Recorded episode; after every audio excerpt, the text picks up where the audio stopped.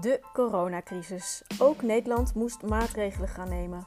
Scholen gingen dicht en dus kwamen wij, Astrid en ik, Roos, thuis te zitten. Beide werken we namelijk in het onderwijs. Een historische tijd dachten wij en dat wilden we graag vastleggen in een podcast. Vooral om onszelf te vermaken, maar misschien ook wat verdwaalde zielen. We bespreken wat ons opvalt en bellen met interessante gasten.